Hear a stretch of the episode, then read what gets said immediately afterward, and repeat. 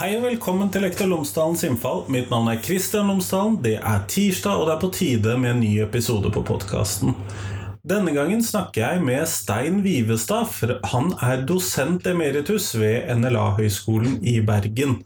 Vi snakker om målet med skolen, målet med oppdragelsen. Hva er det vi vil med disse elevene og barna? Hva er det vi Hvorfor gjør vi dette? Hvorfor har vi skolen? Hva skal vi bruke den til? Hvordan innretter vi den?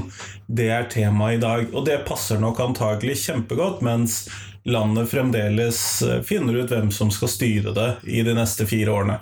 Denne episoden slippes jo naturlig nok klokken ti på mandag kveld. Da har nok ingenting blitt løst ennå. Du hører den kanskje tirsdag morgen. Da har nok heller ingenting blitt funnet ut ennå, kanskje.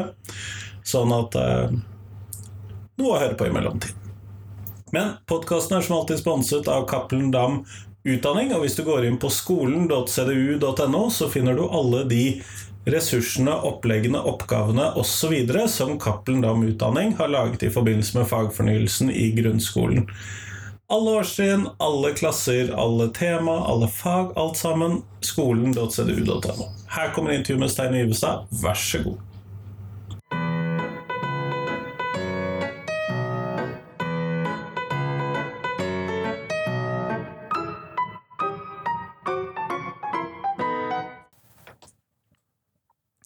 Stein Vivestad, tusen takk for at du har tatt deg tid til meg i dag. Det var utfordrende og en ære.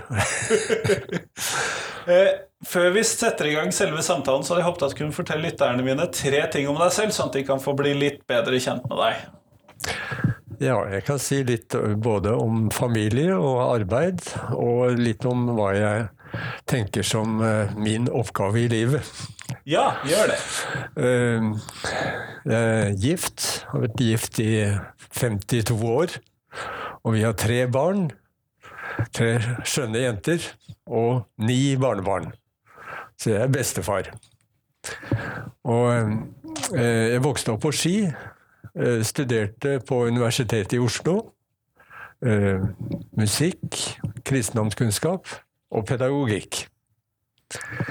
Og så flyttet vi til Bergen i eh, 72. Og da arbeidet jeg i barneskolen i to år. Og så ble jeg spurt om å være eh, pedagogikklærer for musikklærere. Altså på Bergen Musikkonservatorium. Ja. De begynte da med musikk... Eh, eh, faglærerutdanning. Så det var i ti år. Og så eh, ble jeg spurt om å komme på Norsk Lærerakademi, eller NLA-høgskolen som det heter nå. Eh, og der har jeg vært da fra 84 og til nå. Jeg har eh, fortsatt 30% stilling der. Man har jo ofte det når man har den typen jobb som du har, som emeritus. Ja, ja. Og, og når det gjelder da hva jeg har sett som min oppgave, så eh, er på en måte tre sånne ting som eh, jeg tenkte det har vært en slags kall jeg har opplevd. Eh, Det er kanskje ikke så vanlig å snakke om kall i dag, men det er iallfall noe som har staket ut veien for meg. Og det første var eh, i tilknytning til konfirmasjonen. Da ble vi spurt av eh, eh, prost BLD Brekke, som var altså en eh, kjent speiderleder også, og vi skulle velge et salmevers for oss selv. Ja, nettopp. Og da valgte jeg med Jesus vil eg fara, på livsens fær i lag. Gud lat den samferd vara, alt til min døyan dag. Det er min høgste ære, det er min største ros. Hans fyljesvein å være, og vandra i hans ljos. Så det har vært utgangspunkt for å forstå livet som en vandring, ikke som et løp, som skolen gjerne kaller det. Skolen gjør jo det. Ja, Det er sjelden jeg får salmevers sitert på podkasten. ja, men nå fikk du det. Og så, eh, for slutten av eh, studiet av pedagogikk, så eh, hadde jeg jo studert skolehistorie og forskjellige ting. Og eh, jeg fant ut at det som var viktig for meg, det var å prøve å gjøre noe som kunne bidra til at skolen ble bedre. Og da særlig tenkte jeg på eh, folkeskolen, som, eh, eller grunnskolen som det etter hvert ble kalt, dessverre. Jeg likte bedre navnet folkeskole, fordi det hadde med hele folket å gjøre. Og det kunne det jo hett i dag òg. Det kunne det ha hett. Det gjør vel fremdeles det i Danmark, tror jeg. Uh, mens grunnskole, da tenker man mer at det bare er en begynnelse på noe videre. Ja, nettopp, nettopp. Jeg ser forskjellen. Ja, så altså Folkeskolen den var veldig opptatt av at de ikke skulle la seg diktere av den videregående skole. Altså folkeskolens lærere. Og, og jeg har vel tenkt noe på samme måte. Uh, og så uh, var det, det, siste som uh, i grunnen kom til meg som noe som var viktig at jeg skulle gjøre. Det var i forbindelse med årtusenskiftet. Så leverte jeg forskjellige forslag til pedagogisk filosofikonferanser. Ja. Og da prøvde jeg å stille spørsmålet hvordan kan vi som voksne arbeide med oss selv for å bli bedre mennesker? Og dermed også bedre forbilder for barna. Ja, nettopp. nettopp. Så altså, alle disse tingene her henger jo sammen. Ja, for man snakker jo ofte om livslang læring for elevene osv., og, så videre, og at uh, vi mennesker må forvente å lære nye ting hele livet. Men uh, man snakker jo sjelden om at man må utvikle seg som lærer og person for å være forbilde som voksen. da. Ja. Og jeg, en av de tingene som jeg er lei for i dag, det er at uh, dette begrepet læring er blitt så dominerende. Så, fordi det er jo altså Sånn at en da veldig lett uh, fokuserer på noe som uh, en skal fram til å bli ferdig med. Altså en skal vise at en har lært det og det og det. Mm. Og så blir det veldig kortsiktig, det hele. Det mangler den for, uh, forståelsen av, av, livet som en vandring som ja, har et livsperspektiv. Altså det blir, og Derfor må man snakke om livslang læring, fordi det stadig skal komme på noe nytt.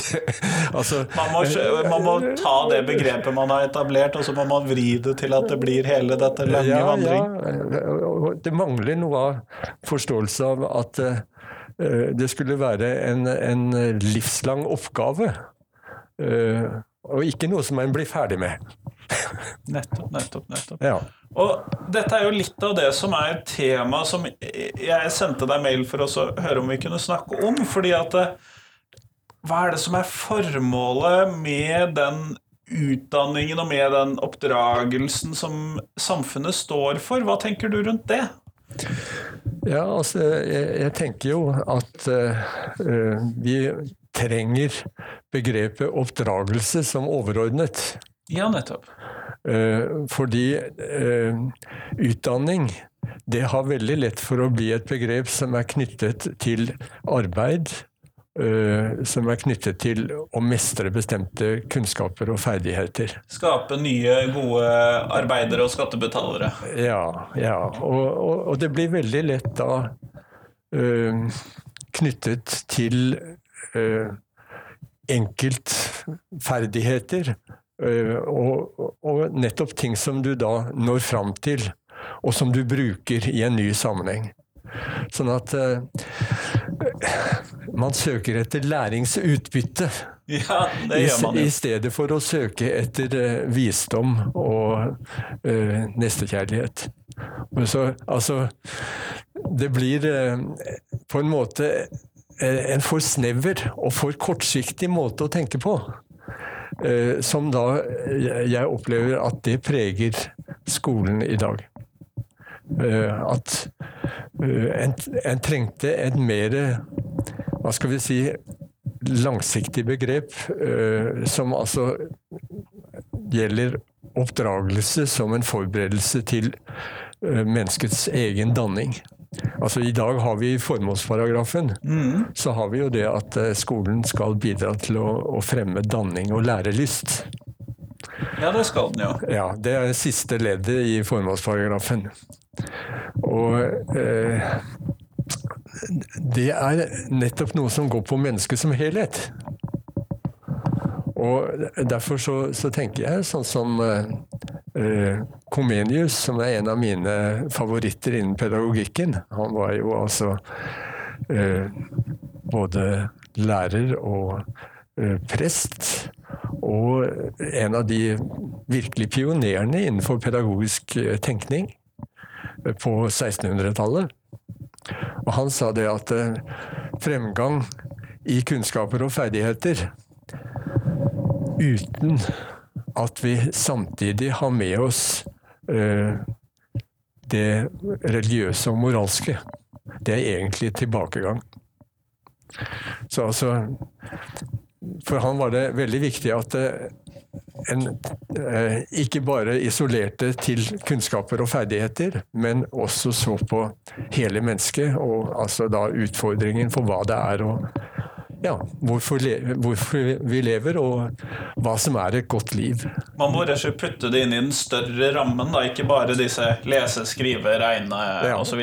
Det er, og, og det er noe av det som har uroet meg, at eh, altså politikerne i dag de, de har snakker veldig lett om kunnskap, men veldig lite om moral, f.eks. Og det, det burde jo også utfordre Human-Etisk Forbund. Ja, eh, og det gjør det jo, men er det ikke kanskje lettere å bli enige om hva vi skal ha av kunnskaper, enn hva vi skal ha av moral? Jo, men behøver vi å bli enige? Det er lettere. Jo, men altså eh, Det er jo nettopp det som er utfordringen.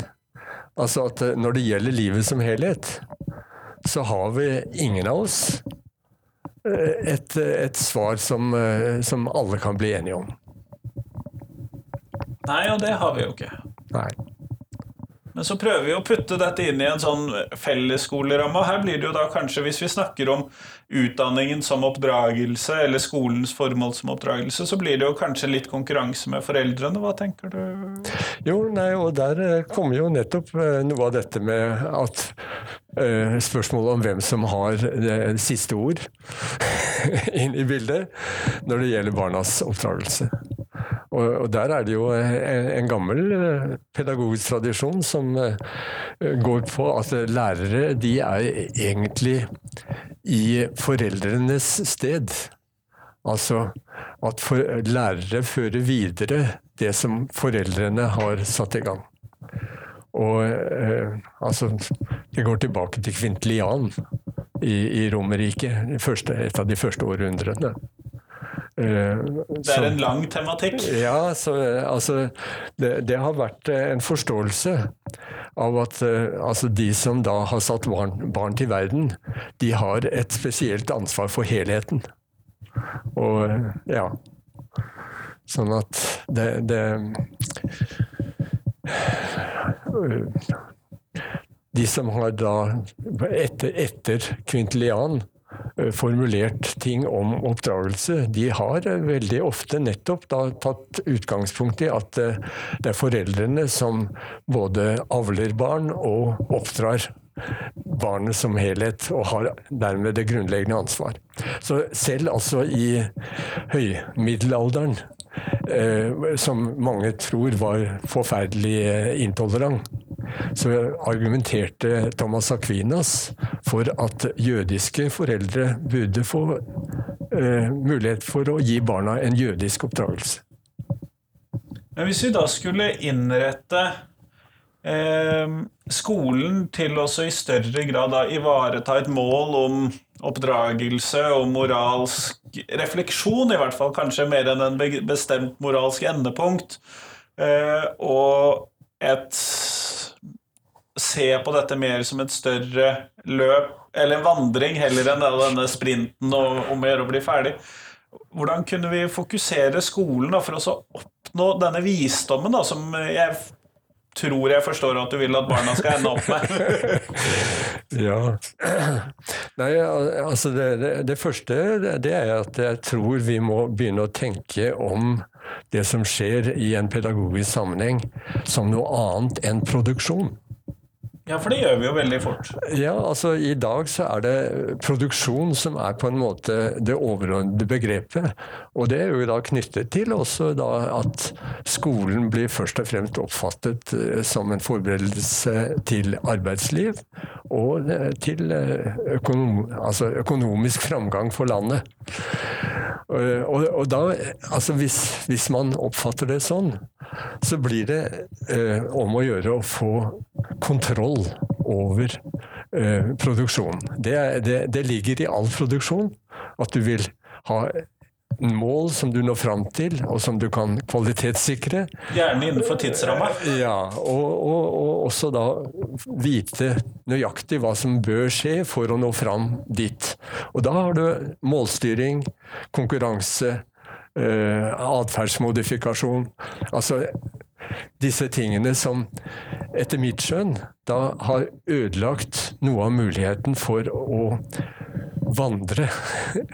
Eh, altså, det, er blitt et løp som er blitt hesblesende, og som nødvendigvis mange barn eh, kommer til kort i. Altså, det, det blir ikke mulig å gjøre det godt for alle.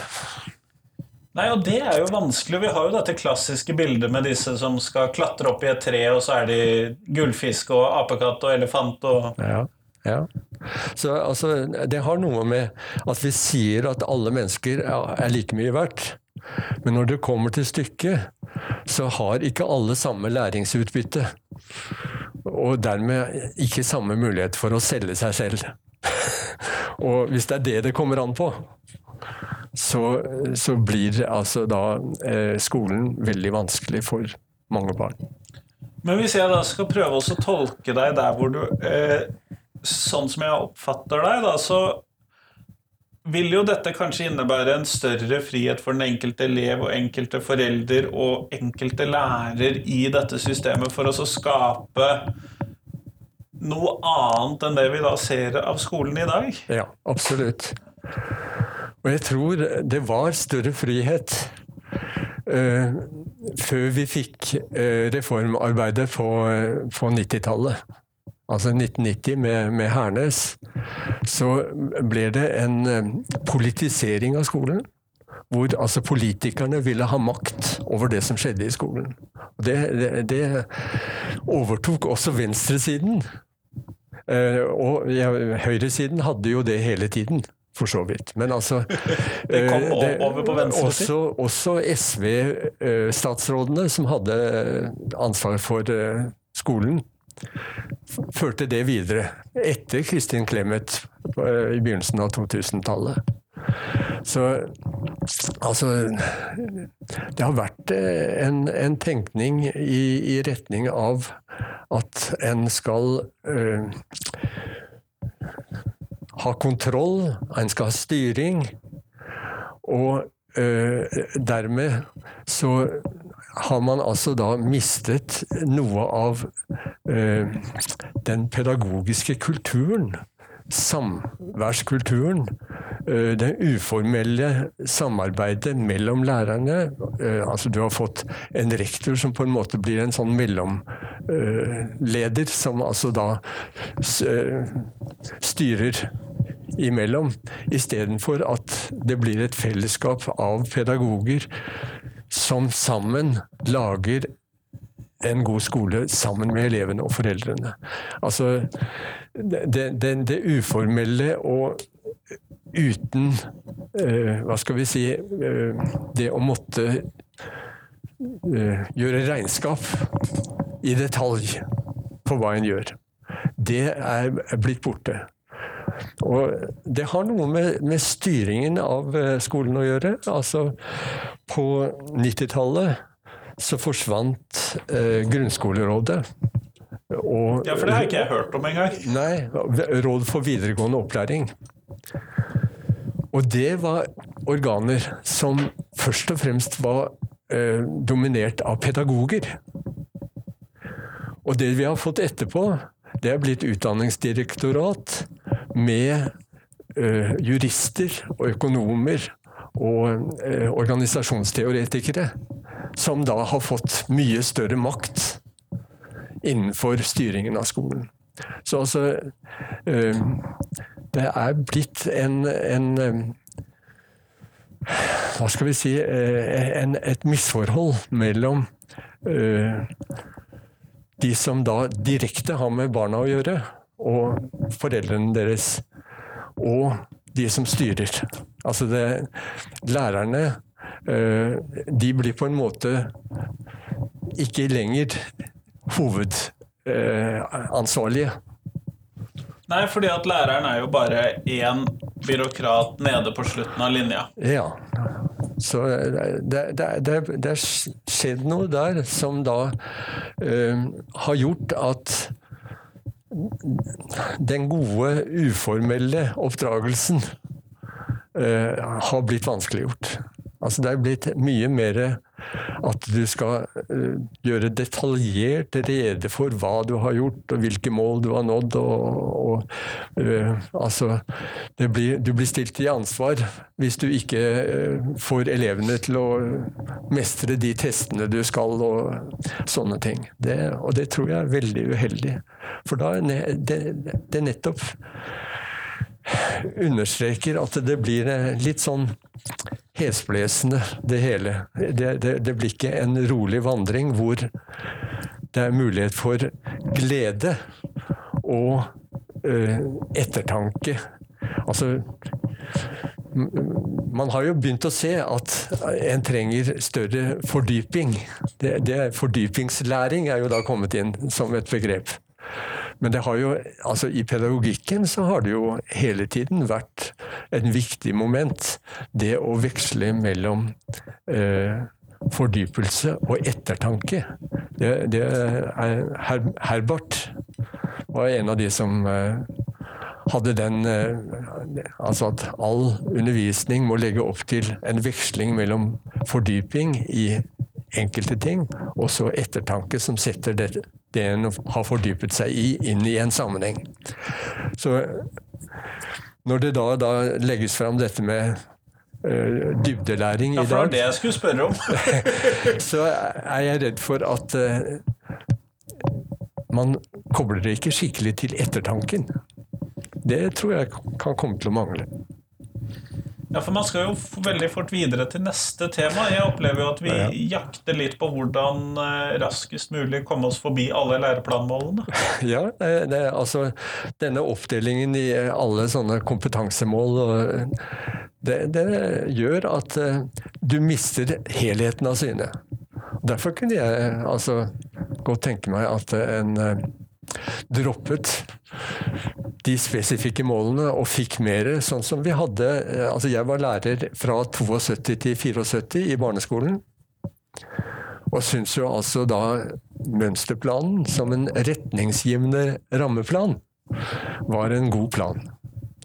Det ga meg og elevene veldig stor frihet, og vi gjorde veldig mye gøy sammen. Jeg hadde, jeg hadde to år på Paradis eh, skole. Ja, nettopp. Eh, så jeg var to år i Paradis. og jeg hadde en klasse som var veldig kreativ. Og vi virkelig gjorde mye morsomt sammen. Men, og dette er jo da kanskje litt som å banne i kjerka etter dette, men vil vi ikke da risikere, hvis vi da får denne friheten, at det blir veldig store forskjeller mellom hva elever sitter igjen med? For det er jo litt av målsetningen med denne målstyringen. Ja, og hva så? det er jo selvfølgelig et glimrende spørsmål. Ja. Altså, det, det, det har jo noe med synet på mennesket og hva er viktig for mennesket.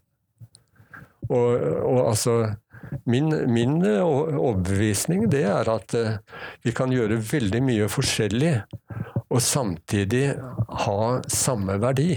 Altså vi, vi, må ikke måles med de samme målene for å kunne ha lik verdi, fordi verdien eh, mellom menneskene er først og fremst knyttet til eh, kjærligheten mellom mennesker. Altså fordi kjærligheten overvinner motsetninger. Nettopp, nettopp, nettopp. Så altså det, det er ting jeg har lært av Søren Kirkegård. For han snakker altså om at uh, det eneste som kan hindre at noen blir håndmodige, og andre blir misunnelige, det er nettopp kjærligheten. For kjærligheten binder sammen på tross av motsetningene. Men hvis vi da skal oppnå denne visdommen eller moralske refleksjonen fordi vi, snakket jo om at det var vanskelig å bli enige om hva som var det moralske standpunktet, og der er nok ikke du og jeg heller enige. Sikkert ikke. Eh, men eh, hvordan kan vi best legge til rette da, for at, man skal, at jeg som lærer skal kunne gi denne visdommen til mine elever? For det, jeg er jo oppdratt i dette målstyringssystemet. Ja. ja, for det første kan jeg jo spørre om skal du gi visdom videre? Er det det du skal? Ja, Det er jo også et godt spørsmål. ja. Uh, altså, du har uh, i, eh, i formålsparagrafen for eh, skolen, så har du i første leddet noe om at en skal åpne dører mot verden og fremtiden. Og skal gi innsikt og kult, eh, gi kulturell og historisk innsikt og forankring. Ja. Og der, der er det altså Det første leddet, det åpner. Og det andre, det sier at en skal gi innsikt og eh, kulturell forankring. Og jeg, jeg har eh, problemer med det å gi innsikt. Eh, fordi jeg tenker at eh, altså Synet, det er noe vi har. Og en kan kanskje da hjelpe andre til å bruke det på en god måte. Og, eh, men å gi innsikt, det, det er liksom som om en skulle Nå, gi bort en pakke, og så vær så god, her er ja, innsikten. Ja. Så altså, det, det, det har noe med en forståelse av eh, pedagogisk virksomhet som en form for eh, jordmorkunst. Altså hvor du hjelper fram mulighetene og det gode i barnet. Eh, og altså da bidrar til at barnet får bruke eh, tankene sine, bruke hele seg. Eh, og da selv ser hva en bør gjøre. Altså Jeg, jeg har eh, alltid vært opptatt av eh, Aristoteles, som eh, jeg jobbet en del med i forbindelse med studiet av pedagogikk. Og han sier jo at eh, den, den rette oppdragelse, det er eh, at barna de eh, vil gjøre det som er godt, og unngå det som er ondt. Men, sier han, det er nettopp noe de må velge selv å gjøre. Altså det må, det må springe ut fra barna selv. Og da er det det at de voksne må være gode forbilder som barna har lyst til å etterligne. Hvis ikke de er det, at en skal presse dem inn i å ville gjøre det gode og unngå det onde. Da, da blir det bare feil. Jeg hører mye Sokrates i dette også. Ja da, Sokrates er med, og Aristoteles er med, og, og Thomas Aquinas. Han hadde også samme tanke som dette her. Og, og Kirkegård. Så det er noen av mine favoritter. Så vi kommer egentlig ikke unna X-Fil-pensum da i eh, lærergjerningen. Nei, og, og altså Hvis du tar Sokrates, så hadde jo han en tanke om at eh, eh, for at livet skulle bli meningsfylt, for å unngå det meningsløse liv, eller det livet som ikke var verdt å leve, så måtte vi granske livet. Eh, og det er et sånt kjent sitat av Sokrates at det ugranskede livet er ikke verdt å leve. Ja, nettopp. Det har du sikkert hørt. Eh, Men det, det forekommer Det er oversatt i forskjellige variasjoner. Og eh, altså Sokrates han var jo opptatt av å stille spørsmålet 'Hvordan bør vi leve?' Det var et sånt gjennomgående spørsmål hos eh, Sokrates. Og han satte også da dette med eh, hans oppgave å få folk til å tenke igjennom hvordan de levde, i en religiøs sammenheng. Han mente at eh, guden hadde gitt han en oppgave nettopp med å eh, utfordre sin samtid. Til å granske seg selv. Og det gjorde han jo til gangs. Det gjorde han til gangs. Og, eh, men så er det jo da interessant å se hvordan det sitatet er blitt oversatt seinere. Eh, Leiv Amundsen har oversatt eh, Platon, og han snakker om at et liv uten forskning er ikke verdt å leve. Ja, nettopp. Og Terje Nordby, som du kanskje kjenner, eh, han oversatte med at et liv uten søken etter kunnskap er ikke verdt å leve. Men de har begge, etter mitt skjønn, da gjort dette til noe eh, intellektuelt og eh, kunnskapsmessig, i stedet for sånn som da det var tenkt fra Sokrates side. Og Det tror jeg har sammenheng med en utvikling som vi har hatt helt fra Descartes og framover. Altså at eh, dette med menneskets tenkning og kunnskap det, og forskning, det er på en måte det er blitt toppen. Og så er det jo kanskje noe med at de som da oversetter dette, gjerne sitter da i denne akademiske sfæren selv, og ikke Ja, men altså han som eh, oversatte med at det det ugranska livet er ikke verdt å leve. Det var Anfinn Stigen. Og det er en god oversettelse. For det, det, det sier noe om at eh, å granske det er mer enn bare å tenke og forske.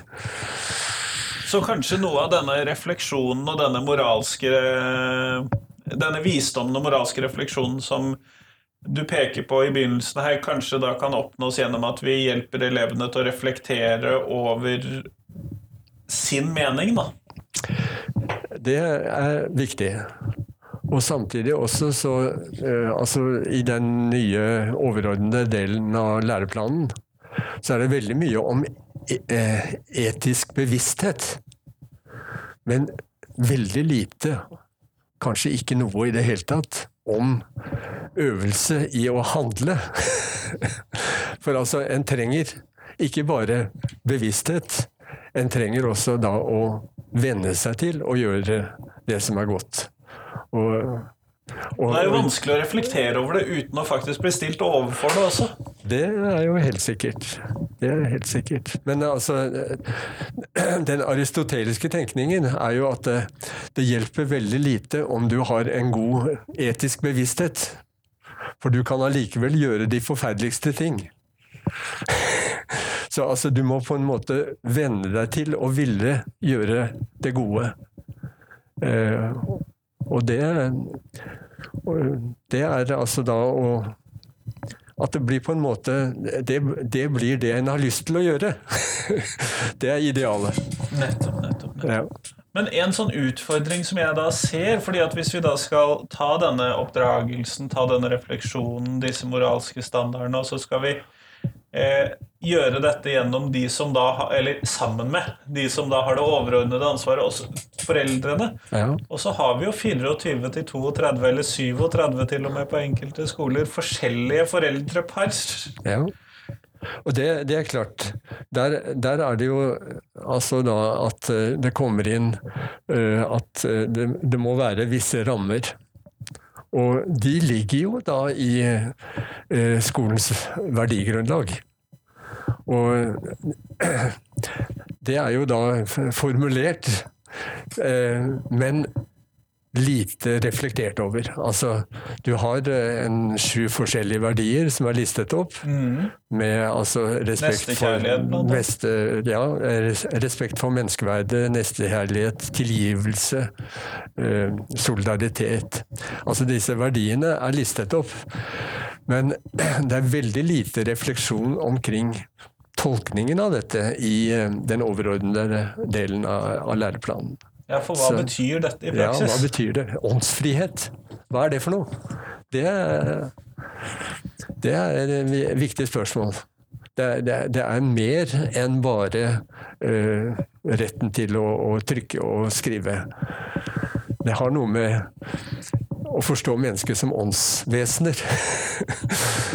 og eh, ja, så altså Det mangler eh, refleksjon i den nye overordnede delen av læreplanen eh, over Den skulle egentlig tolke formålsparagrafen, men eh, den har etter mitt skjønn da heller laget en litt annen formålsparagraf. En utvidet formålsparagraf? Eh, Ja, utvidet. Jeg, jeg tror den har altså omtolket visse ting. eh, I stedet for å, å, å virkelig prøve å, å se hva formålsparagrafen gjør. Ja, for formålsparagrafen har jo ligget der ganske lenge. Uh, Nei, altså den er fra 2008. Den som vi har nå. Jeg begynte å jobbe i skolen etter det. da. Du begynte etter det, ok. Ja. Nei, altså vi, vi, vi hadde jo da eh, en formålsparagraf helt fra 1969, eh, som da ikke Hernes forandret, men han forandret eh, tolkningen av den. Så altså Hernes han tok bort f.eks. da dette at foreldrene skulle ha hovedansvaret. Det ble mer eh, at foreldrene skulle være i samarbeid med skolen. Så altså, han svekket eh, foreldreretten. Og det har jo etter mitt skjønn da bare fortsatt. Det er jo veldig interessant, fordi at eh, Men kanskje også en måte å innrette det på, sånn at det blir mulig å drive da undervisning med så mange elever i samme rom uten at alle disse kravene fra forskjellige foreldre blir for vanskelig. Ja. Eh, Det, det er klart altså, Men der kommer jo da det med fritaksmulighet inn i bildet. Eh, At eh, altså jeg, jeg ville ønske meg en tydeligere skole som hadde et tydeligere mål enn det vi har i dag. Og samtidig også da mulighet Altså systematiske muligheter for at eh, en kunne få fritak fra ting. Det- Ja, For det har man jo ikke i dag. Det ligger jo en fritaksrett, men den er ikke systematisk, i hvert fall. Nei, nei og, og det er klart eh, Altså det, det, det er mye vanskeligere å få det til. Eh, Det er, ikke, det, er ikke, det er ikke lagt opp til det. Sånn som du hadde en mulighet uh, i Altså på 80-tallet, altså mønsterplanen av 83 mm. var det vel, uh, hvor det var mer systematisk tenkt forskjellige uh, livssynsmessige varianter. Ja. Nettopp, nettopp. Nei, jeg, Så- jeg syns jo det er veldig spennende, fordi at en av mine sånne perspektiver på skolen har vært at jeg syns at ungdomsskolen for eksempel, er veldig teoretisk. Det er i hvert fall sånn som jeg oppfatter den her jeg står i videregående. ja. Eh, og det du skisserer her med større frihet til lærere og elever og foreldre, så vil kanskje noe av det bøtes litt på. Absolutt, det tror jeg. Det, for det, det er jo uh, ikke mulig å komme alle elever i møte på en god måte hvis du eh, hele tiden fokuserer først og fremst på eh, norsk, engelsk, matematikk. Altså eh, en av de tingene som virkelig jeg syns var vondt da jeg var lærer på Paradis, det var en elev som da var veldig glad i musikk. Som ble tatt ut av musikktimen for å få norsk. Fordi hun hadde problemer med det. det Som mistet mestringsarenaen for ja, noe annet. hun, hun mistet noe av det som ga henne glede. Og det Ja. Det tror jeg altså Men det er jo altså litt større eh, sans i dag, tror jeg, for eh, at det praktiske har verdi. Og altså Lærlingtenkningen ser jeg som en veldig positiv eh, mulighet. Altså at eh, alle skal ikke nødvendigvis eh, studere, altså. Nei, og det håper jeg jo ikke at vi kommer dit.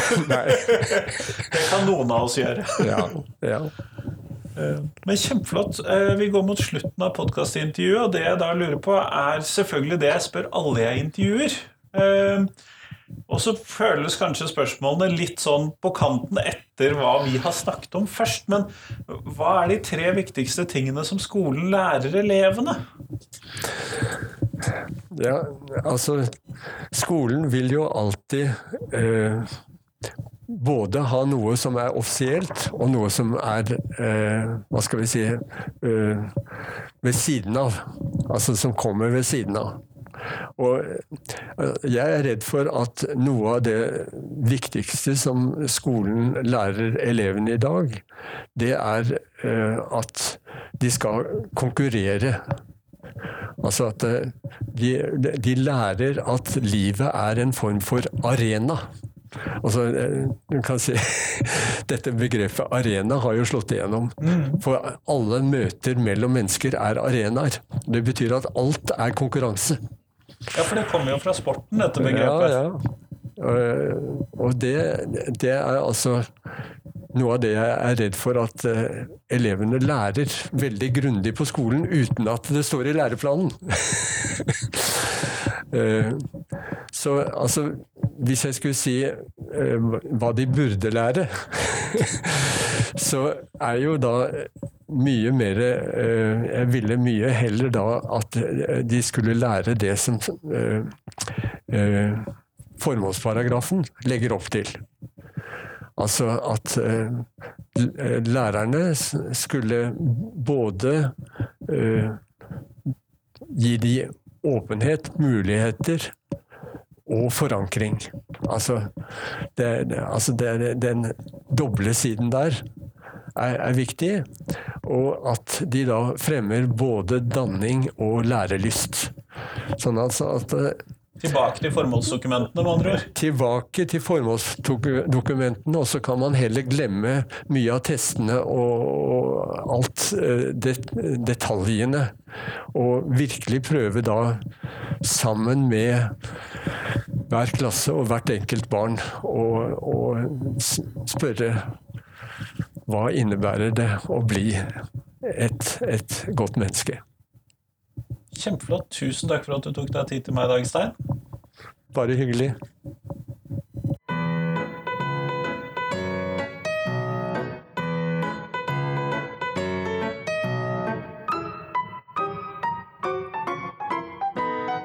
Tusen takk til Stein, og tusen takk til deg som hørte på. Nå er det fram til fredag, så er det på tide med et nytt intervju på podkasten.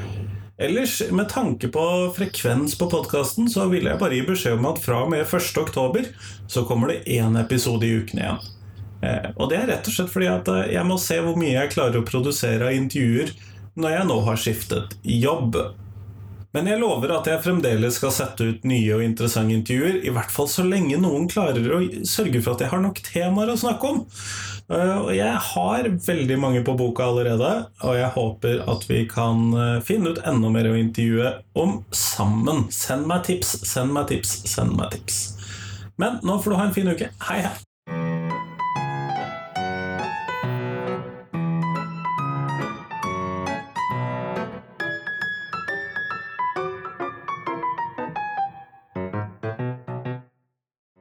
Husk det at du kan gå inn på iTunes, podkaster andre steder, og så rate podkasten. Det blir jeg kjempeglad for. Gjerne full pott, selvfølgelig. Men vi høres!